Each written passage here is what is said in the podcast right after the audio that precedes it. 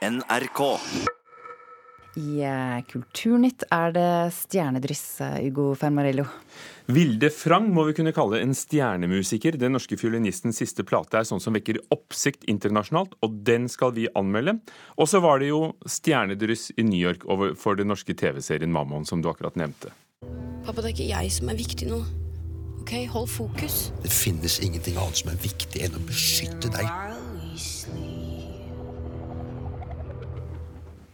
Spenningsserien fra norsk politikk og journalistikk med Trond Espen Seim som statsminister gikk på norske skjermer i 2016. Andre sesong av Mammon fikk altså pris som beste internasjonale serie i New York i går kveld. Og to brødre fra Mysen, en hel norsk delegasjon, trodde knapt det var sant da skuespiller Italia Ricci åpnet konvolutten. And the International Emmy for Drama Series goes to Mammon. Overlykkelige prisvinnere kaster seg om halsen på koner og kolleger. Gjermund og Vegard Stenberg Eriksen ble de aller første som vant en Emmy-pris i natt. Til gjengjeld kanskje den aller gjeveste. Uh, I want to thank the best producer in the world, my brother. And I want to thank on behalf of the Mammon family, and Hans Rosné. På Hilton-hotellet ved Times Square slo Mammon to ut serier fra Brasil, Japan og Australia. De to brødrene fra Mysen er i ekstase. Ja, det er så moro at det er jo Nå er det helt vilt moro. Ja, det går ikke an. Det går ikke an. Så tenkte jo nå, nå er det bare å klappe. Nå er det bare å se Være normal ut. Fordi jeg liker konkurrentene. Vi liker. Vi gjør det, og vi vil ikke miste ansikt. Ikke miste Konsentrere, ansikt. ikke miste ansikt, Så kom smile. Sånn, så kom den med Så en gang. Så så tar jeg så fort å si 'mammon'. Så, mammaen. Skulle jeg takke mamma og pappa? Det glemte det Jubelnatten i New York viser at norsk drama er i vinden. Skam skal bli amerikansk, og Mammon slo ut alle andre europeiske serier allerede i kampen om Emmy-nominasjonen. Dramasjef i NRK, Ivar Køhn, klarer heller nesten ikke å stå stille ved den røde løperen i foajeen. Siden 2004 har vi gått rundt og liksom sagt at vi skal vinne den Emmyen for beste dramaserie, og nå vant vi det. Og det, det gøyeste er at, at, at vi har en produksjon som gjør det, og så er det, en, er det bare liksom et eh, symptom for, eh, for norsk drama. Det, er- det er liksom, vi, er, vi er oppe i en høyde, høyde nå som er helt utrolig gøy. Altså. Det er et slags verdensmesterskap for ikke-amerikanske TV-serier Norge nå har vunnet. Nå skal det feires, og så skal det tenkes litt på framtida. Hva skjer med dere nå? Hva betyr dette? Vi får, vi, eh, vi får sikkert eh, noen møter her og der, men det blir aldri lettere å lage serier. Uansett om du vinner en. Så du kommer for et møte, men det å få solgt den og få det lagd er, fortsatt like tung- er fortsatt like vanskelig. Fremfor alt så gjør det jo sånn at, at de internasjonale eh, industrien blir enda mer oppmerksomme på Norge. Og dette kommer til gode til alle de norske produksjonene. For vi er, folk, folk er veldig nysgjerrige på hva vi gjør. Og at vi nå klarer å ha en sånn kvalitet som den internasjonale prisen viser, er jo, eh, er jo eh, er, er liksom bare eh, lokkende for det internasjonale investeringen. Applaus i New York for noen timer siden. NRKs dramasjef Ivar Køhn til slutt. Tove Bjørgaas, vår korrespondent, var på plass. Jannik Heen, regissør av sesong to på Amamon. Konseptuerende regissør, som det heter. Hva betyr det? Nei, det betyr jo at uh, du er den første som er på da, som regissør. Uh, du er med på å sette serien og da lage de, de første episodene. Og så kommer det da nye regissører som skal følge opp og lage episodene videre utover. Så har altså hundrevis av proffe TV-folk stemt den frem. Først som beste europeiske dramaserie i 2016, og nå som verdens beste, uh, unntatt USA. Litt ubeskjedent, hva syns du? Jo, det er jo, det er jo helt overveldende, og det er litt sånn det er litt sånn som å lage pølser. Man vil kanskje ikke helst vite hvordan, hvordan det foregår, sånne priser. Det, jeg har i hvert fall aldri eh, turt å tenke på hvordan det skjer. Men, eh, men det er jo det er helt utrolig når vi nå får den pølsa. Hvilke kvaliteter tror du det er på det du har vært med å lage, som gjør at eh, den blir likt? Nei, Det er veldig vanskelig å si, da. Jeg er veldig selvkritisk uh, av meg. Så, så det, du spør helt feil person. Men, men det, det er klart, det er, det er nok noe eksotisk som ikke vi tenker på i det vi lager her i Norge. Uh, som, uh, som appellerer, og det at vi har klart å, å, over tid nå i Norge å bygge opp eh, TV-bransjen vår til et nivå. For det er klart vi, vi står jo på skuldrene til eh, store produksjoner som har, eh, har bygd seg opp her i Norge nå. Vi kan begynne å, å si at vi, er, vi, vi, kan dette, da. Vi, vi skjønner TV-drama. Cecilie Mosli, du var med på å sette tonen, for du var regissør på hele første sesong av Mammon. Og så har du overtatt og laget noen av episodene i sesong to. Hva er det med den historien som er norsk, fra norsk politikk, fra norsk journalistikk? Eh, Trond Espen Seim er statsminister, Ingar Helge Gimle er finansminister, og, og Nils Ole Oftebro er eh, garvet eh, bladfyk fra VG, som slår an.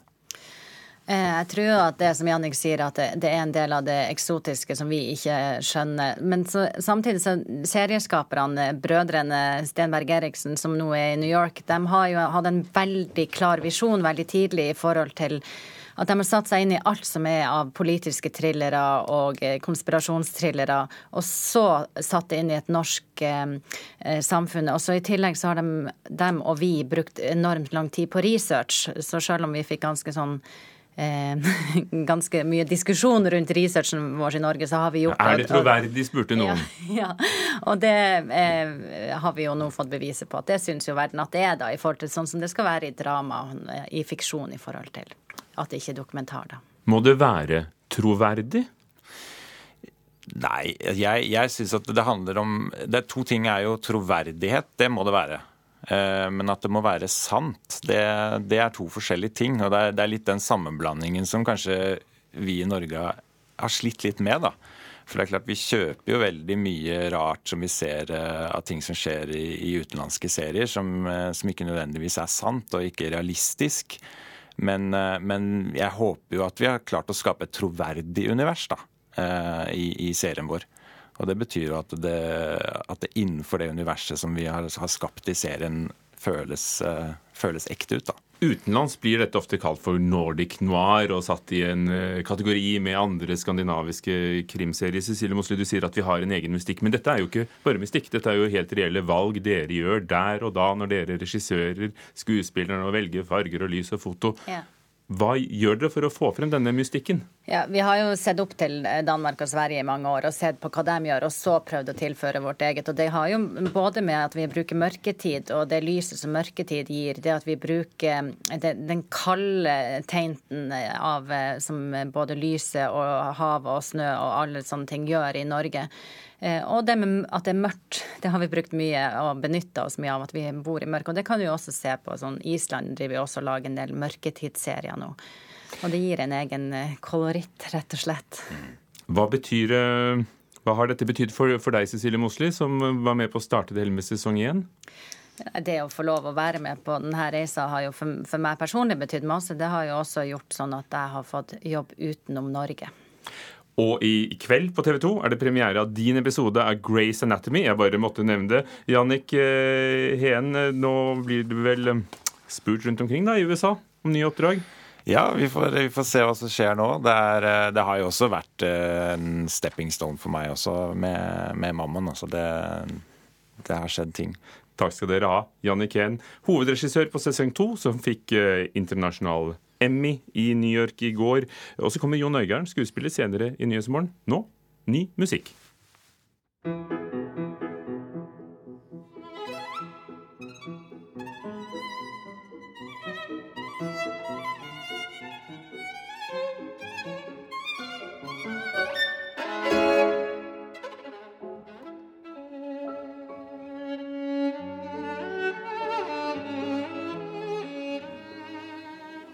Dette er den norske fiolinisten Vilde Frang som er ute med sitt sjette soloalbum.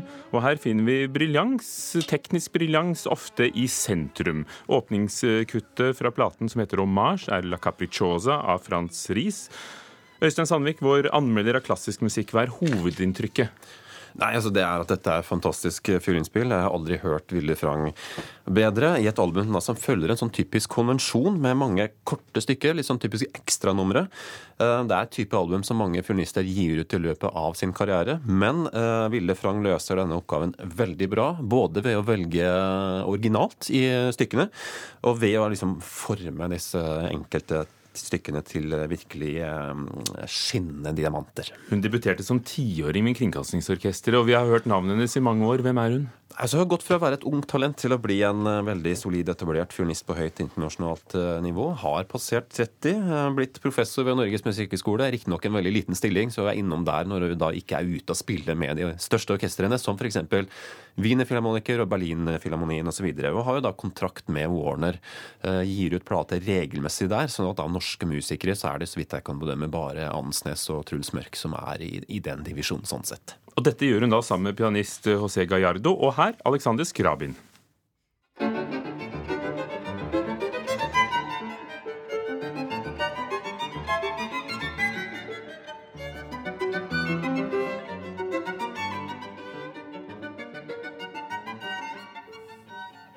Hvordan er utvalget på Hommage? Det er uh, en veldig fin blanding av uh, kjent og litt mer ukjente ting. Altså, det er ikke de liksom, vanlige glansnumrene og bravurnumrene som vi ofte finner. litt sånn uh, Ungarske dansere av Brahms og sånn. Altså, her er det liksom Schumann, Schubert, vi finner til og med Prokofjev, og som her Skriabin. Hvordan klarer hun seg?